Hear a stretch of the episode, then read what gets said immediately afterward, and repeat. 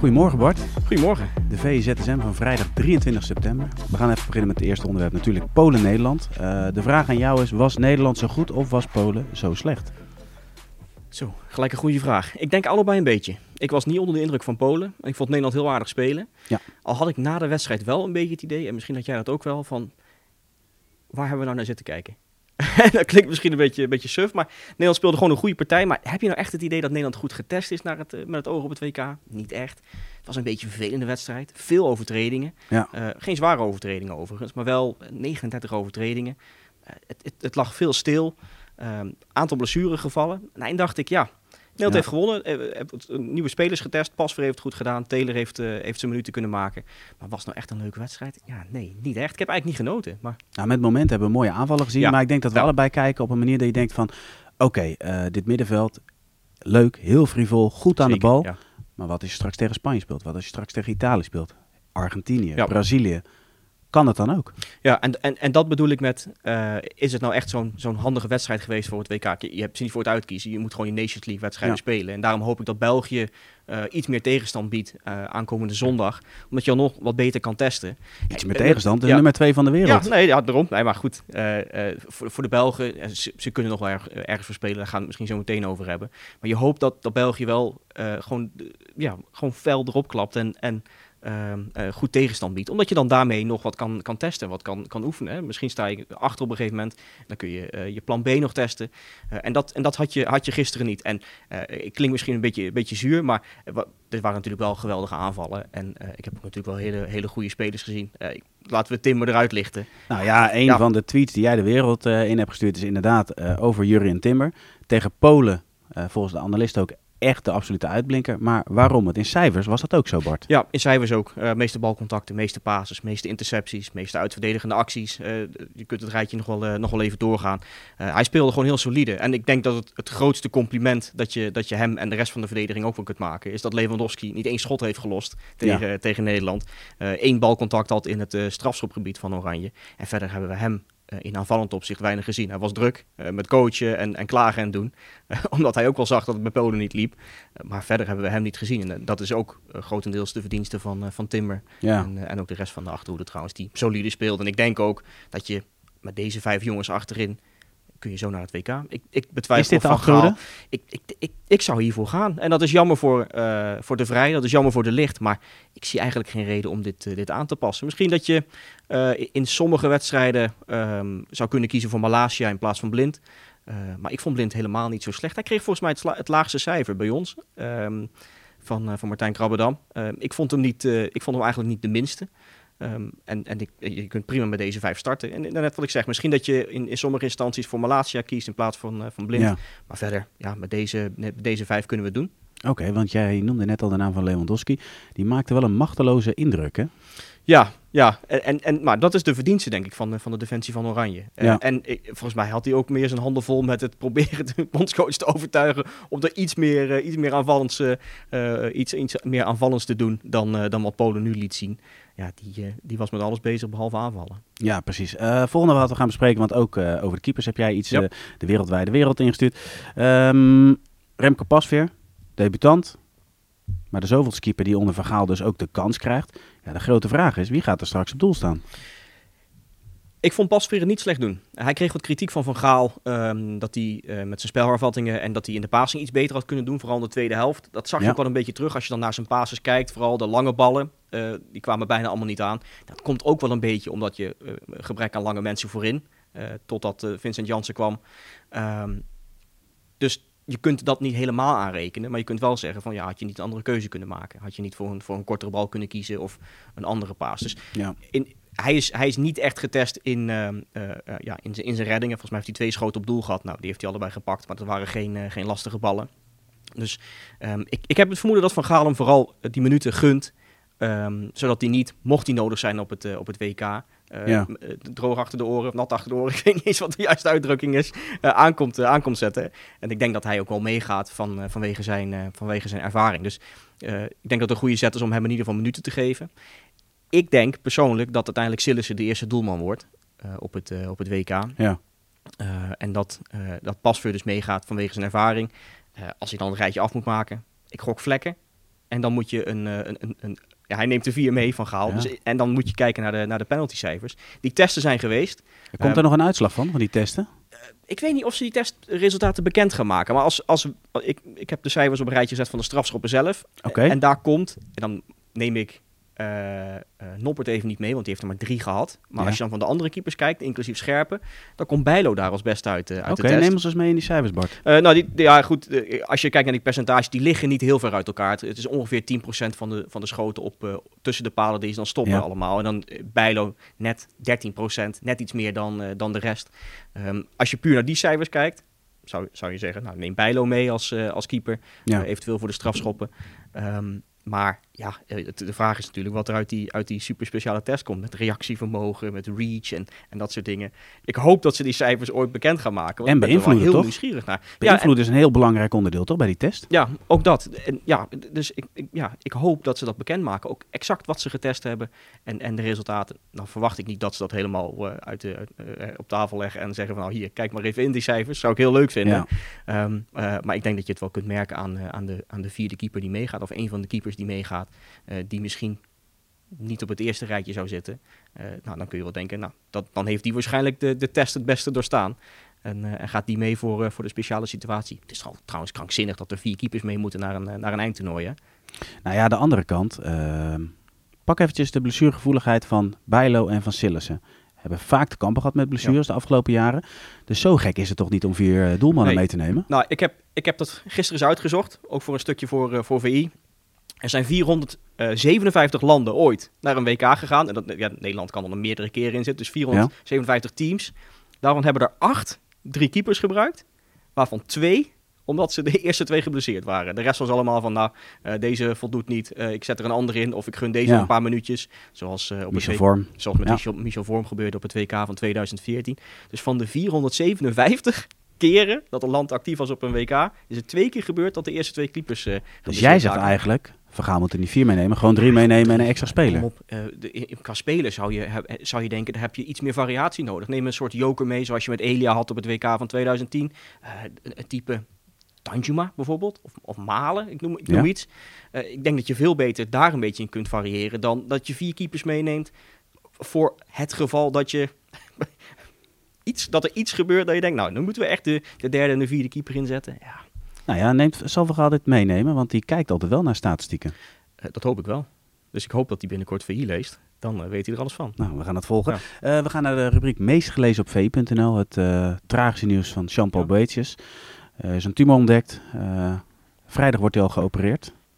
Ja, dat moet ik eerlijk zeggen, Bart. Ik zag gisteren eh, binnenkomen. En daar schrik je dan wel van. Daar schrik je echt enorm van. Jonge gozer. Ja, maar dat, het, het stomme is, eh, dat jonge gozer, dat maakt eigenlijk helemaal niks uit. Ja, maar dat, koppel je er is- toch aan, hè? Ja, maar tilbalkanker, en eh, ik, ik heb het, ik heb het in de, de directe omgeving meegemaakt. Eh, mijn zwager is, is onlangs geopereerd. 18 tot 35, als je luistert, check af en toe de, de onderkant. Want het kan zomaar gebeuren. Het gebeurde bij, bij Baumgartel, Haller, Ja. nu bij Boetjes, ploegmaat eerder dit jaar ook. Ehm, ja, en ja, ik, ja, mensen maken het in de persoonlijke omgeving mee. Nogmaals, ben je 18 tot 35, ik wil niet als Ja. een dokter klinken hier. Laat Eh, je Het is een testen. voetbalpodcast, maar eh, laat je af en toe testen. Of, of- Ja. of, ja, voel in ieder geval of er, eh, of er iets van, eh, van een eh, verdikking of iets dergelijks is. En, en laat, je, laat je gelijk testen, want ja, eh, het, moet, eh, moet gelijk geopereerd worden en, eh, Ja. en weghalen. En eh, ja, eh, Ja, je merkt, echt, eh, echt Haller slaat in als een bom. Eh, Ja. nu, nu ook Boyd slaat in als een bom. Nou, laten we hopen dat het allemaal goed gaat. En eh, dat we hem snel weer op een voetbalveld eh, mogen zien. Want eh fantastische speler. Dus hopen dat we daar nog lang van kunnen genieten. Dan gaan wij nu naar de meest gelezen, eh, het meest, meest gelezen bericht op eh, VI Pro. Dat is eh, de analyse van Sam Planting.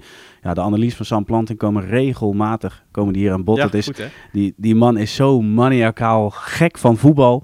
Het is gewoon hartstikke leuk om te, te lezen. En hij had het nu specifiek over wat de 21 bases in aanloop naar de 1-0 zeggen over Oranje. Ja, en dan vooral ook eh, hoe het werkt in het 5-3-2 systeem. En, en, ehm, en waar Van Gaal ook op, op, op hamerde in, eh, eh, in de persconferenties vooraf. Dus ook een beetje het kantelen, het naar de andere kant gaan. Ja. En het mooie van deze aanval was, eh, waar, die, waar uiteindelijk het doelpunt uitviel van, eh, eh, van Oranje, eh, van Gakpo.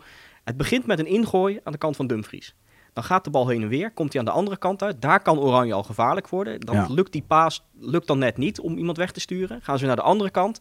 En dan is er een soort stroomversnelling in één keer in. Met een aantal passes, waardoor uh, uh, Gakpo ja. vrijkomt voor het doel op een schitterende paas van Dumfries. Met een heerlijke, heerlijke bal van Depay. In één keer klopt het en is Oranje weg. En dan zie je het, het voordeel van zo'n 5-3-2 systeem. Uh, met die opkomende backs. Ja, waarvan er eentje steeds weg mag. Hè? Want hij praat ja. over een, een wiel. Uh, waarbij op het moment dat Dumfries weg nou, dan moet Blinder binnenkomen. En andersom, dus ja. eigenlijk dat het meekant. Maar praat in dit geval ja, specifiek over het wiel van Oranje zo'n beetje. Ja, mooi hè. Ik, volgens mij in die persconferentie stond er echt als een wiel stond hij daar zo te draaien. Ja. Toen hij dat de eerste keer uitlegde. Uh, maar ja, dat, dat, dat is hoe Van Gaal het wil zien. En dat het dan zo uitpakt. Uh, hè, misschien was ik een beetje kritisch over, over de wedstrijd aan zich. Veel, veel overtredingen. En dat je denkt, ja, was het nou zo, zo'n leuke wedstrijd? Maar dit soort aanvallen maken dan wel je avond helemaal goed. Hè? Sprong jij ook van de bank? Uh, nee, ik, li ik, lig meestal met mijn laptop op schoot. Ja? lig ik op het bankje. Het wordt wel lastig om op te springen. Maar uh, nou, het was wel echt een, echt een wereldgoal. Heerlijk. Ja, precies. Hey, we, gaan naar, we, gaan, we gaan deze show afsluiten met Nederland-België. Ja. Staat zondag op programma. Um, kun jij ons eens meenemen... Um, wat Nederland precies moet doen om de finale te halen van de Nations League en wat er dan gaat gebeuren. Ja, het goed om te weten is dat uh, in, de, in de Nations League, in de, in, de, in de groep, gaat het om onderling resultaat en niet op doelsaldo. Dus het komt later, uh, komt later in vragen. Dus het gaat ja. eerst om onderling resultaat. Nederland heeft 4-1 gewonnen van België uit. Ja. Zondag spelen we thuis tegen, tegen de Belgen. Alles minder dan 4-1 verliezen is prima, is, uh, uh, is een ticket voor, uh, voor de Final Four. Dus dat ziet er eigenlijk heel rooskleurig uit. Ik, ik, ik, net wat ik begin al zei, ik hoop dat België een beetje gaat, gaat aanvallen. En dat ze pro gaan proberen om in ieder geval nog een kans te maken op dat, op dat Final ja. Four ticket. maar ja, dit mag je niet uit handen geven. En dan speel je volgend jaar, volgend jaar juni, uh, misschien wel als regerend wereldkampioen, de Final Four.